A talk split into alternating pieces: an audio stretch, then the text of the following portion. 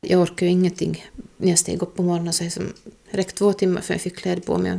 Många dagar så orkade jag inte ens tvätta mig och borsta tänderna på morgonen. Hade jag fått på mig kläder så fick jag sitta och vila en timme och så bäddade jag sängen och så vilade jag mig en timme och så...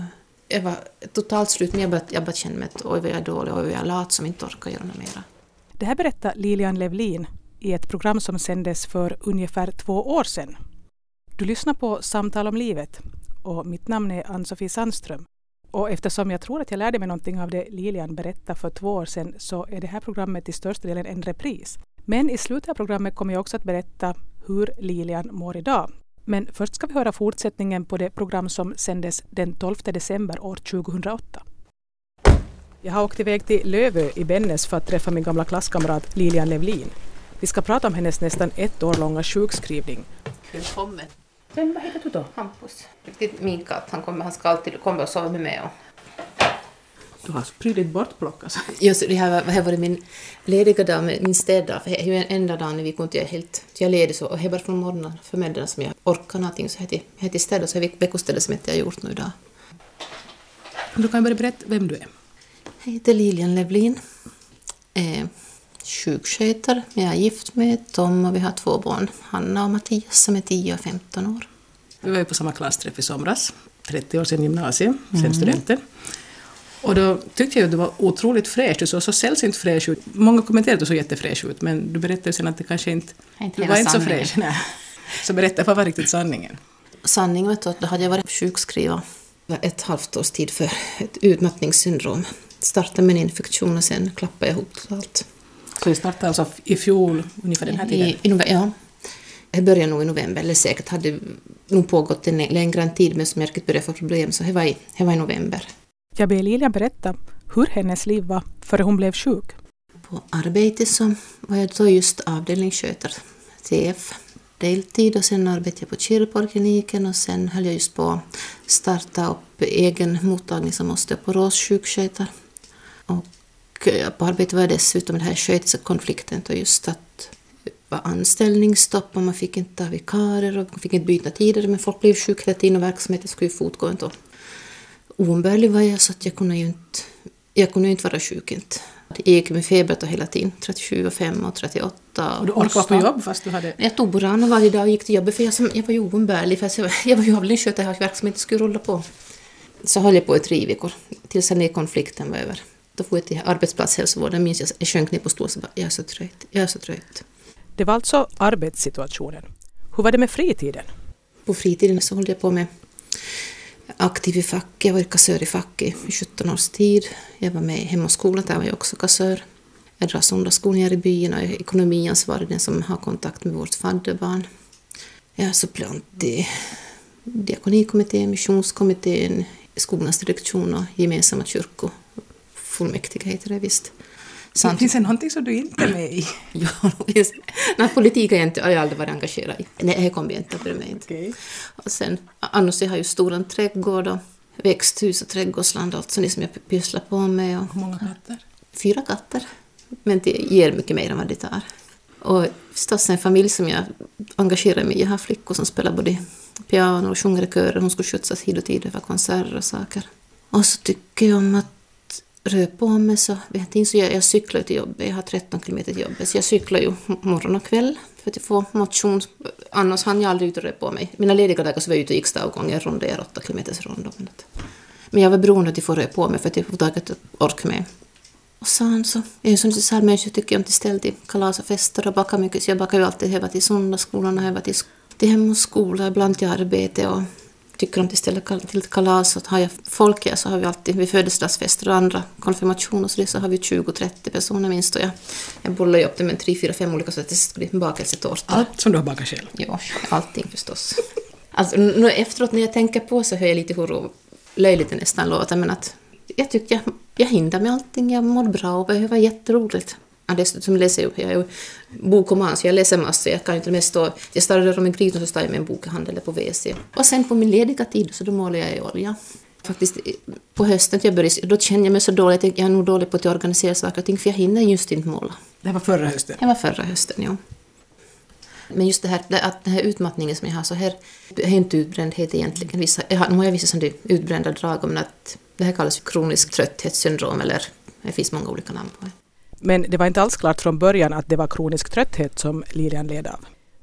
Efter att ha jobbat med feber i flera veckor så gick alltså Lilian till personalläkaren och vad hände sen? De tog ju prover för att få fast om jag led av någon sjukdom och jag kom fram att det hade varit infektion som jag har gått med och säkert en, en längre tid förstås. Så mot det fick jag antibiotika men personalläkaren så hon, jag minns hon tittade på mig den första gången så sjukskrev hon mig då i en vecka eller någonting sånt, eller två.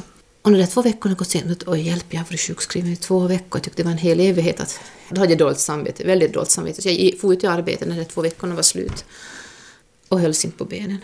Jag orkade inte gå från ena änden till korridoren till andra förrän jag måste sätta mig ner. Jag minns jag hade jättetungt till andas och till prata. Så jag gick ner igen till personalläkaren och hon sa att har du gått till jobbet, gör aldrig om det. Att inte förrän jag ger dig lov att du går till jobb så får du. Så sjukskriven mig på nytt. Och två veckor åt gången jag kom till henne och så pratade vi på nytt. Och det här akuta symptomen, det här med hostan och värken i hela kroppen, och så, det försvann. Men det här förlamad-tröttheten, han blir ju nästan... Jag orkar ju ingenting när jag steg upp på morgonen. Så som, räckte två timmar för jag fick kläder på mig. Många dagar så orkade jag inte ens tvätta mig och borsta tänderna på morgonen. Hade jag fått på mig kläder så fick jag sitta och vila en timme och så bäddade jag sängen och så vilade jag mig en timme och så vattnade jag blommorna kanske och så fick jag sitta och vila en timme. Som jag var totalt slut, men jag bara, jag bara kände mig att oj vad jag är dålig, oj vad jag är lat som inte orkar göra något mera. Kanske du skulle kunna läsa?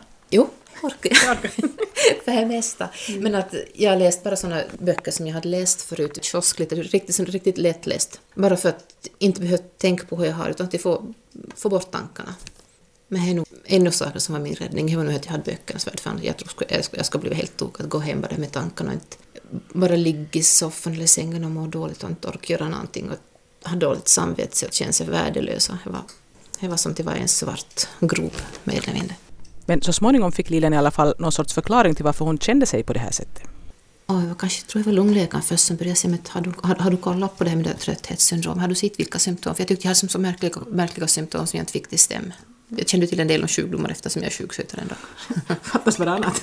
Så egentligen när jag hade varit hand så satt jag mig ner och började läsa på nätet om det här trötthetssyndromet. Liksom, allting stämde ju precis. Det fanns en lång lista på kanske 20-30 symptom och de, de flesta stämde in helt och hållet på mig. Vilka till exempel?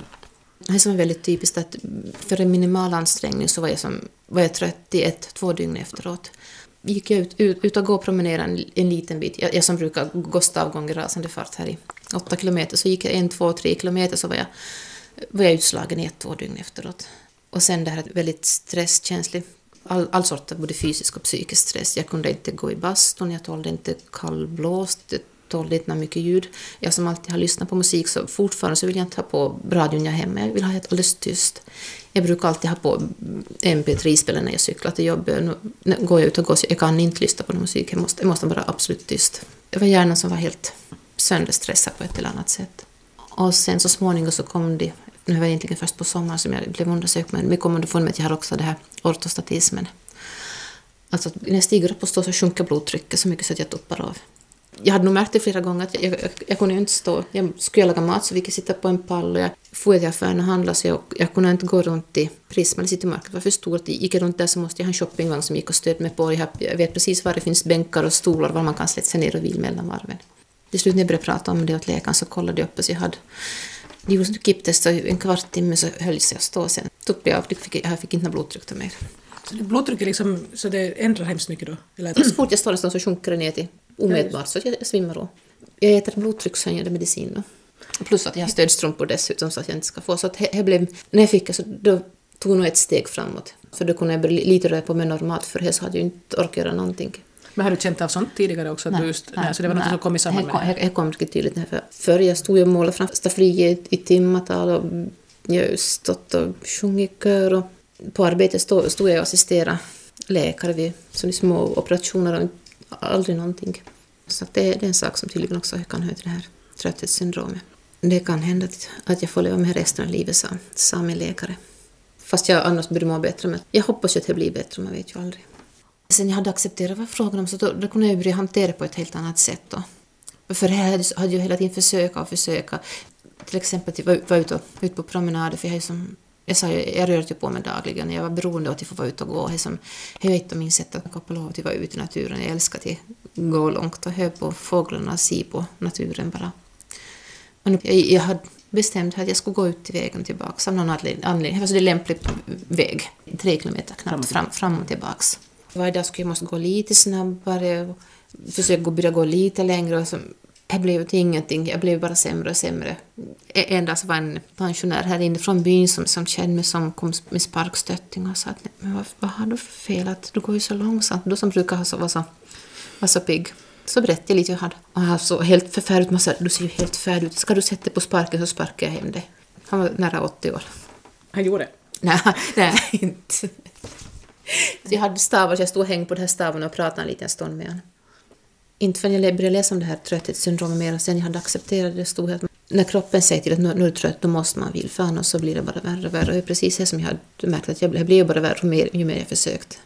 I normala fall så funkar det på sätt att eh, du övar upp din kondition genom att du anstränger dig lite mer och lite mer. Och så har ju funkat alla tider förr, men nu plötsligt så, så stämde ju inte någonting med hur kroppen hade fungerat eller hur det hade fungerat förr. Så jag var som...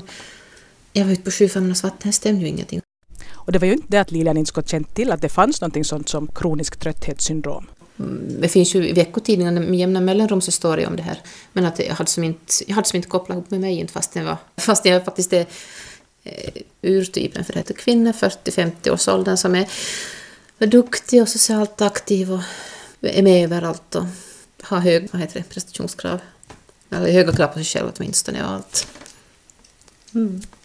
Jag tänker på det här när Lilian höll på med så himla mycket både på jobbet och fritiden och allt annat. Var det aldrig någon i näromgivningen som sa någonting om att eh, hej, att du kanske håller på med lite för mycket?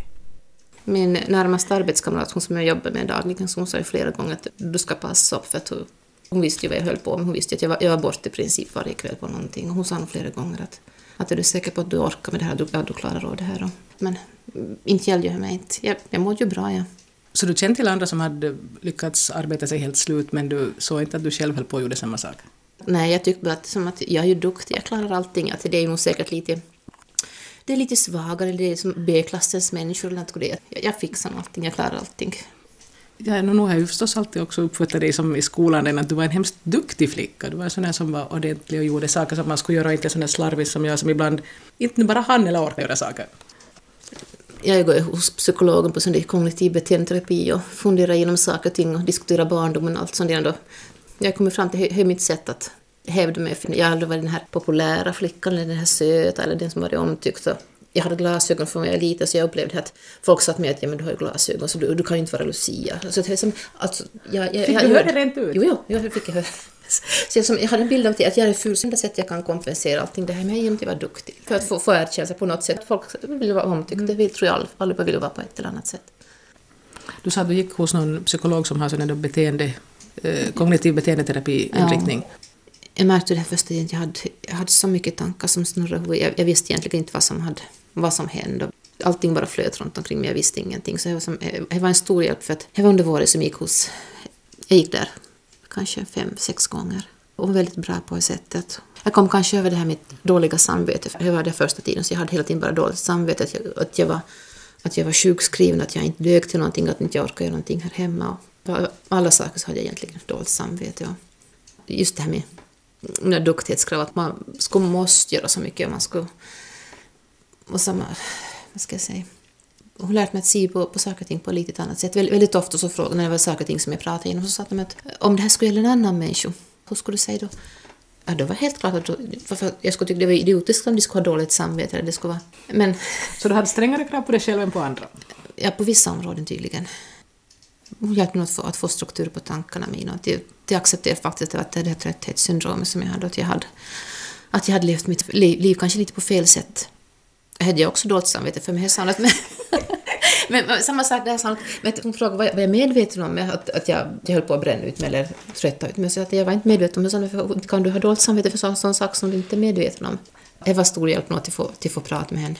Men är det egentligen en sjukdom, eller är det här en sjukdom i samhället? Att, man, att det blir någonting som, när folk som har för mycket krav på sig själva är för duktiga för sitt eget bästa? Nej, jag börjar mer och mer tro att här, här ett tecken, tecken i tiden det här. För att det är som, som sagt, jag är, jag är ju inte ensam, men jag är så många. Jag vet, så fort jag pratar om något, vad jag lider av, så alla så har det någon bekant som, är, som lider av samma sak. På jobbet har jag en kollega vars bästa väninna har och jag har en annan kollega vars man är utbränd och jag har, som sagt, det finns så mycket som helst när man börjar prata. vi lever i det här informationssamhället det går, som, det går, det går bara snabbare och snabbare. På, på jobbet så pressas ju kraven upp. De som, de som jobbar så har, ställs ju hela tiden högre krav. När jag ser på min arbetsplats, till exempel besöksstatistiken, hur mycket patienter vi sköter polikliniskt om man jämför med 10 eller 20 år tillbaka, så är det ökat enormt. Sen är du ska ju vara du ska vara duktig mamma och du ska sköta din hälsa och röra på dig. Och sen mycket ute i samhället nu för tiden, sen här sparkraven kom på 90-talet, så bygger på att folk engagerar sig i olika föreningar för att, för att saker och ting ska fungera.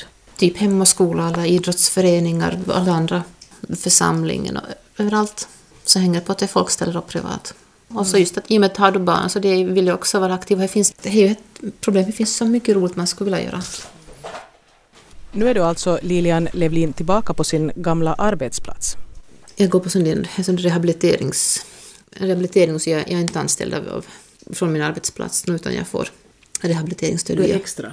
Vi, vi är två egentligen på min, på min arbetspunkt men jag går som tredje och jag börjar med att jag jobbar fyra timmar om dagen och bara fyra dagar i veckan. Måndag, tisdag så är onsdag ledig och sen torsdag, fredag igen. Nu har jag jobbat en, en månad. Den här veckan så börjar jag jobba fem timmar istället. Så jag så småningom ska jag nog trappa upp det. Jag kommer upp det här. Mitt mål är att jag ska klara av att jobba 30 timmar i veckan som jag gjort de senaste åren för jag, för jag brakade ihop. Lilian har varit sjukskriven nästan ett år. Hur kändes det att gå tillbaka till arbetet? Oj, vad var roligt. Jag var, jag var nästan helt euforisk de första dagarna jag, jag var i jobb. Det var som, jag var som att komma ut ur en mörk säck. Att få, dels den sociala kontakten, det är väldigt viktigt att få prata med folk och sen att få känna som jag tycker om mitt arbete, jag trivs i det. Och det att jag får känna att jag duger till någonting, att jag inte bara det här är värdelösa som ligger hem på, på soffan. Men hade du kommit över det här värdelöshetskänslan när du talade med psykologen? ja, men, men det här, det känslan bara att jag inte... Att man inte orkar, kan, bara, bara går jag hem och inte, inte gör någonting. Det är, bara, det är detsamma att du, du, tvättar och bäddar och städar och lagar mat och så gör de igen och så gör de igen. Det är som inte alls samma sak, men som det här att få... Alltså den första dagen jag hade, jag hade patienter igen som mig, att, det känns så bra att att kunna hjälpa någon att bli må bättre istället, det gav mig väldigt mycket. Och sen bara, bara se att jag klarar av det, att jag inte... Det som, jag har levat med med en skräck hela det året jag var sjuk, så att, tänk om jag lämnar på det här sättet, tänk om jag aldrig blir frisk igen. Det som, det förstår jag. Det skulle, det skulle, vara en mardröm. Hur var det i början då? Liksom, blev du hemskt trött av de här fyra timmarna om dagen? Jo, jo. Det blev, jag kom hem och så sov jag några timmar, sen satt jag och hängde. Och är fortfarande ett, inte gör jag något mycket mer på kvällen. Inte. Har jag någonting som vet jag måste, just att jag ska skjutsa min, min dotter eller någonting annat speciellt, så gör jag hemma att jag är som, jag är helt oföretagsam, jag kommer inte för någonting. Som jag sa när du kom in här, att från morgon så kan jag, så är jag pigg, då, då orkar jag. Så att, alltså ska jag, ska jag få ordning här hemma så är, det ska vara de morgontimmarna från jag stiger upp 8-9, men det räcker en timme förrän jag överhuvudtaget kommer igång, för att jag, som, jag är så väldigt trögstartad. Så har jag alltid varit. ja. Men jag som, är nog märkbart mer, det räcker så mycket längre faktiskt förrän jag kommer igång på morgnarna. Men sen så är det kanske fyra, fem, sex timmar som jag, som jag märker att nu orkar jag, nu är jag lite normala, normala jag. Men sen där på eftermiddagen, tre tiden, så då far det som man skulle gå över en kant eller någonting och sen så kommer det här att hjärnan slutar att fungera. Det som allt, jag blir trögtänkt och jag kommer mig inte för någonting. Det som jag vet jag måste göra, mat måste jag laga, familjen behöver ju äta någonting. Och så går jag som en trög gyttja resten av kvällen då och gör det som jag vet jag måste göra men absolut ingenting mera. Men du märker i alla fall att det går långsamt åt rätt håll? Ja, och speciellt när jag jämför med hur jag mådde för ett år sedan så mår jag betydligt bättre idag. Jag har lärt mig väldigt att jag ska, att jag ska tänka positivt, jag ska ta vara på allting på det som är bra. Jag lärde mig redan i våras. Jag minns när jag gick ut, det var en vårvinterdag, mitt på dagen. Som jag sa, jag hade det dåliga samvetet för men började tänka att jag har ju rätt att gå och njuta av att, att jag orkar faktiskt gå en liten stund och se på det här vårfåglarna som kommer och vårsolen som kommer fram. Att tänka att vi är privilegierade som inte måste sitta instängd på jobbet. Nu ska jag njuta av den här timmen som jag orkar gå ut och gå. Jag tror egentligen det här som när jag riktigt började acceptera och bearbeta det, så jag var först på våren när jag blev du frågade förra en gång när hon började sjukskriva mer. Jag var en månad och en månad och på våren så sjukskrev hon mig plötsligt ett halvt år. Jag blev helt chockad. Men jag var på något sätt, då fick jag nog rätt perspektiv på det här trötthetssyndromet. För, förr så varje, varje gång så tänkte jag att när, nu, nu när sjukskrivningen är slut, nu, nu, börjar jag säkert klara att gå till jobbet och nu ska jag gå. Så jag väntade som, de här sista dagarna förrän jag skulle gå på till läkarbesök så försökte jag alltid anstränga mig mer så att jag skulle vara så pass frisk så jag skulle kunna gå till jobbet då. Men då när hon sa att nej, nu är det ett halvt år framöver så då, så släppte det. Då släppte jag på något sätt. I och med att jag slapp den här pressen så då, då började jag lära mig att jag, att jag, måste, jag måste lyssna på min kropp. Så fort jag märker att jag är trött så måste jag vila. Att hej, hjärnan är faktiskt så, så stressad så att hej, som, jag ska inte stressa mer utan jag ska, jag ska vila. Hjärnan måste vila, kroppen måste vila för att jag ska, för att jag ska kunna bli bättre. Och då började jag. Det första konkreta steget på att jag faktiskt... När, när det svängde så det var i, i våras när vi var på en semesterresa ner till Teneriffa. Jag, hade, jag var väldigt rädd för att jag överhuvudtaget skulle klara men vi har varit var, varje år familjen. Alltid i slutet av mars, början av april brukar vi ha en semestervecka nere i värmen och solen. Och det var den veckan när jag var borta här hemifrån, det fanns som inga krav. Då, då kunde jag slappna av helt och hållet och inte ställa några krav alls på mig att jag skulle måste göra någonting. Jag, jag låg i min solstol under en palm och resten av familjen de var ju ute på aktiviteter hit och dit. Men jag, jag låg där i min solstol och... Läst kanske? Och läst naturligtvis. mm. och sen, men jag märkte de sista dagarna på den veckan, då orkade jag börja gå på promenader så vi orkade gå ner lite runt i stan och se på saker och ting. Och det, som, det hade jag inte gjort på flera månader, så jag hade faktiskt orkat gå och titta runt mig och njuta av saker och ting. Så jag jag började förstå att det är, som, det är den här vägen jag ska gå, att jag, jag måste vila mig. Mm. Jag måste klara av att börja slappna av att inte ställa kravet, för då det var enda sättet. Och att njuta av det som du kunde njuta av. Kunna njuta av, ja. Mm. Så då, då började jag med det här, faktiskt försöka koncentrera mig på att tänka på, tänka mig positivt och ta vara på det som är bra här i livet. Och, som sagt, min, min dotter hon säger att mamma hon tycker det har varit jättebra och att mamma varit hemma hela tiden. Hon, har tagit mest positivt fast jag inte har gjort så mycket hemma. Samma sak min son som är 15 år, så han har ju hamnat mycket, mycket mer hjälp till här hemma förstås nu. Det var för några veckor sedan här som jag sa att, att lite att eh, beklaga att inte jag orkar någonting det här året. Att inte, vi har inte kunnat vara på resor som vi brukar vara. Så det, att jag inte har, så sa min mamma, tycker han alls att, inte, att du har, inte har dagat till någonting? Att nu har du gjort mycket. Att inte, inte hade han alls upplevt på samma sätt som mig. Inte. Han, han tyckte att det mest har varit trevligt att mamma har varit hemma mest hela tiden. På vilka sätt lever då Lilian Levlin idag annorlunda än hon levde tidigare? Jag har som rensat bort av aktivitet. så jag, som, jag har ju sagt, jag är inte, jag är inte med i facket mer, jag är inte med i hem och skola. Jag, jag väljer väldigt noga på vad jag, vad jag gör nu. För jag märker rent, som sagt, mentalt så är jag, inte, jag är fortfarande inte alls samma människa som förr. Jag har väldigt lätt att fatta saker och ting förr. Väldigt sådär, mitt logiska tänkande funkar bra, jag såg orsakssammanhang. Och är en av de mest skrämmande sakerna när, när jag blev sjuk, att jag märkte att jag kunde, plötsligt kunde jag inte tänka. Jag kände mig riktigt dum i huvudet. Jag, jag, jag var rädd att jag skulle få, att jag höll på att drabbas av någon sån demenssjukdom eller något sånt. Jag, jag var riktigt skräckslagen en tid för det. För jag märkte att det är helt enkel matematik så klarar jag inte av. Och, och du hade ju ändå lång matte i gymnasiet, jo, så jo. Borde, det borde du klara av. ja. Men det var någon, någon av de sista dagarna på jobbet när de skulle byta arbetstid. De hade en som hade jobbat åtta timmar och sen hade hon jobbat övertid två timmar en dag och skulle ta ut hon som skulle jobba sex timmar för en dag. Och när hon stod och berättade så plötsligt förstod jag ingenting. Jag kunde inte räkna att 2 eh, plus 8 är 10 och 10 minus 4 är 6. Då, då var jag, jag var som, det var hemskt.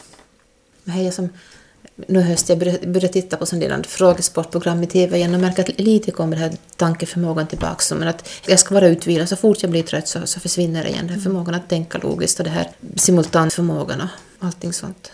Nu finns det en väg ut ur det här med att men jag skulle inte klara ett jobb heltid, det vet jag nog igår när jag var på jobbet så när klockan blev, hon blev kanske hon var halv två plötsligt så märkte jag att jag skulle börja plocka upp, vi hade kommit från centrallagerbeställningar, alltså blöjor och sprutor och saker. Och jag, jag stod och såg på de här listorna och jag såg på de här sakerna och jag, jag visste inte vad jag skulle göra. På en gång så for det. Men jag skulle just sluta då och det, det är sagt från arbetsplatshälsovården, när jag märker att inte jag orkar mer så ska jag sluta, att jag ska som inte pressa mig heller inte. Så det är ju skönt på sättet att jag går som extra, att jag får ta ja. långtakt och se hur mycket jag faktiskt jag klarar. Jag är väl lite mer som bonus, att andra får lite lättare att få gjort sånt som inte... Så kanske inte bränner ut sig, så kanske inte blir utmattad, det är ju ganska bra det. Jag tror att jag kan vara kanske ett varningstecken för vissa av mina kollegor. Och skulle jag veta vad jag vet för ett år sedan så skulle jag ju så skulle jag nog ha gjort annorlunda så jag kanske inte skulle hamna i det här. Jag skulle ha sänkt min ambitionsnivå. Säkert, säkert skulle jag Ja, de här fritidsaktiviteterna som jag, det här som jag har sagt nej till. Jag, skulle sagt, jag, för jag har lärt mig att säga nej. Nu, jag, jag kunde inte förr, för jag tyckte att när någon frågar mig en sak som jag kan göra så, så jag måste ju tacka ja. På arbetet så, i och med att jag hade studerat, jag har suttit mycket framför datorn, så har jag mycket saker som jag klarar snabbare än andra. Så jag tyckte att nu måste jag göra eftersom jag kan, eftersom jag kan det bra så måste jag göra det. Nu har jag lärt mig att jag, jag kanske bara bra att jag säger nej, så får de andra som, fast det går lite långsamt så har, nu har de chansen att lära sig att göra lite bättre. Att jag, jag måste inte vara den här duktiga som gör faktiskt allting. Inte. Nu tycks du ha lärt dig en hel del. Ja, jag hoppas det, annars skulle det vara ett meningslöst jag tror nog det låter nog så. Jag ska ta. när jag hade kommit en bit på väg i, i våras så fick jag tag på en bok som heter Mitt liv som trött som jag läste. Det var, som, det var nästan skrämmande att läsa för det var, det var en bok som skulle kunna handla om mitt eget liv. Kommer du ihåg vem som har skrivit den? Nej. En svensk kvinna. Hon var visserligen privatföretagare men väldigt mycket hennes livssituation stämde överens med min egen. Jag hade hanterat saker och ting. Hon hade skrivit boken efter sex år. Hon var fortfarande inte... Hon har aldrig gått tillbaka till sitt gamla liv. Jag har inte insett vid det laget inte återgår jag heller till mitt gamla liv som jag har levat. Dels för att man ska inte leva på det sättet med att jag kommer aldrig få så mycket kraft så jag överhuvudtaget ska orka ork leva på det sättet med att livet är värdefullt ändå. Det finns så, så mycket... Jag har lärt mig kanske mer att ta tillvara på saker och ting och göra som jag tycker det känns skönt att jag kan säga nej och jag har inte tvättat fönstret på ett år nu, men så gott. Hemska saker. Ja. Men för, men för det var som det att höst och vår och du ska byta gardiner. Det var, som, det var så mycket som det måste, som, som jag hört att det skulle vara. Men att sånt har jag sluppit och det känns faktiskt jätteskönt. Man måste inte gå igenom ett trötthetssyndrom för att kunna ha... De flesta är klok nog att mogna till insikt om hänt. Men kanske någon, någon människa skulle få, få en tankeställare och det här att men du trodde inte på vad folk sa, så vad ska, vilka symptom är det man borde lägga märke till som man inte tänker på att kanske är sådana symptom? Att man håller på att liksom driva sig för långt? Det här tröttheten som börjar komma, det här att man måste tvinga sig mer och mer att göra. Och det, jag tyckte att jag var dålig som inte orkade med det här, allting som jag orkade tidigare, att jag blev så, blev så trött. Och lite försvann förstås nog den här livsglädjen. Den sista semestern jag var på förra sommaren så efter en semester brukar man vara utvilad men så fort jag kom tillbaka till jobbet så var det tungt. Det, var som, det känns nog mycket mer som ett måste än vad jag hade gjort förr. Men på så många, jag tyckte inte kunde jag säga upp mitt fack och inte kunde jag, jag hade ju startat det med osteoporos och nu måste jag slutföra det och jag var ju nu måste ju vara avdelningsskötare när, när ordinarie blir sjukskriven för det är den som passar bäst att vara. Det var nog så mycket som på ett sätt jag ville fast det var, det var så tungt. Sådana saker som man egentligen vill och som man tycker i princip att det är roligare, det börjar kännas jättetunga. Mm. Då ska man börja tänka efter att vad håller man på med. man sysslar med. Mm. När du måste tvinga det hela tiden för att jag orkar med det som har varit lätt för. Då är det någonting på tok. Jag avskyr det svenska ord, hur känns det? Men i det här fallet är det väldigt bra att lyssna efter faktiskt. Lyssna på kroppen. Att det, märker att du, att du känner dig trött, så då är du trött, då ska du vila. Sen man nästan är 50 så man, man är inte 20 kroppen orkar inte på samma sätt heller. Och det är kanske en sak som vi inte vill inse heller, men det är kanske är en mognadsprocess, att man inser att okej, okay, det är nu på det här sättet nu. Mm. Jag älskar ju att cykla här. Jag skulle cykla Göta kanal, längs Göta kanal till exempel, men här, här i dagsläget helt omöjligt. Men jag har en dröm att jag ska en dag komma tillbaka så att jag åtminstone kan göra sådana saker som jag faktiskt tycker är roligt, som jag njuter av. Under tiden tycks du i alla fall kunna njuta av sådana små saker som du kan göra nu.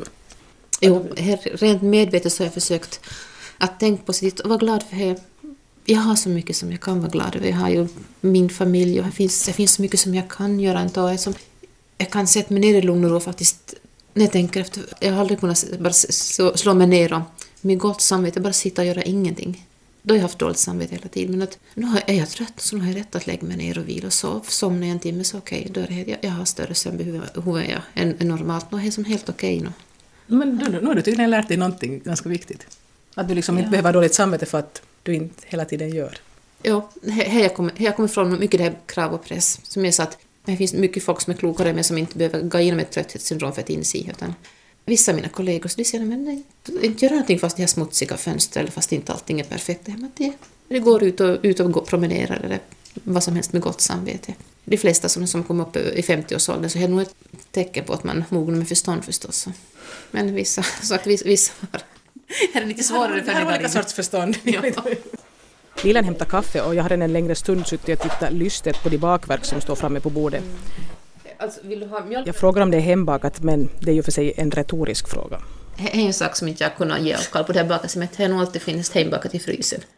Det här sa alltså Lilian Levlin i Lövö i Pedersöre i det samtal om livet som jag gjorde med henne för två år sedan. Jag ringde upp henne den här veckan för att höra hur hon mår idag. Hon kunde berätta att hon mår bra och att hennes livskvalitet har förbättrats. Hon berättade också att hon numera jobbar halvtid och det tänker hon fortsätta med för att kunna ha ett liv också utanför arbete. De första sex månaderna när hon gick tillbaka på jobb försökte hon arbeta fyra dagar i veckan. Men det blev för tungt och hon orkade inte göra någonting annat än arbeta och sova. Så hon valde att gå ner i halvtid. Hon berättar att återhämtningen har tagit lång tid och den pågår fortfarande, men det blir långsamt bättre. Lilian Levlin berättar också att hon nu har lärt sig att njuta av livet på ett annat sätt än hon gjorde tidigare. Du har hört ett samtal om livet som idag var en repris med uppdateringar. Mitt namn är Ann-Sofie Sandström.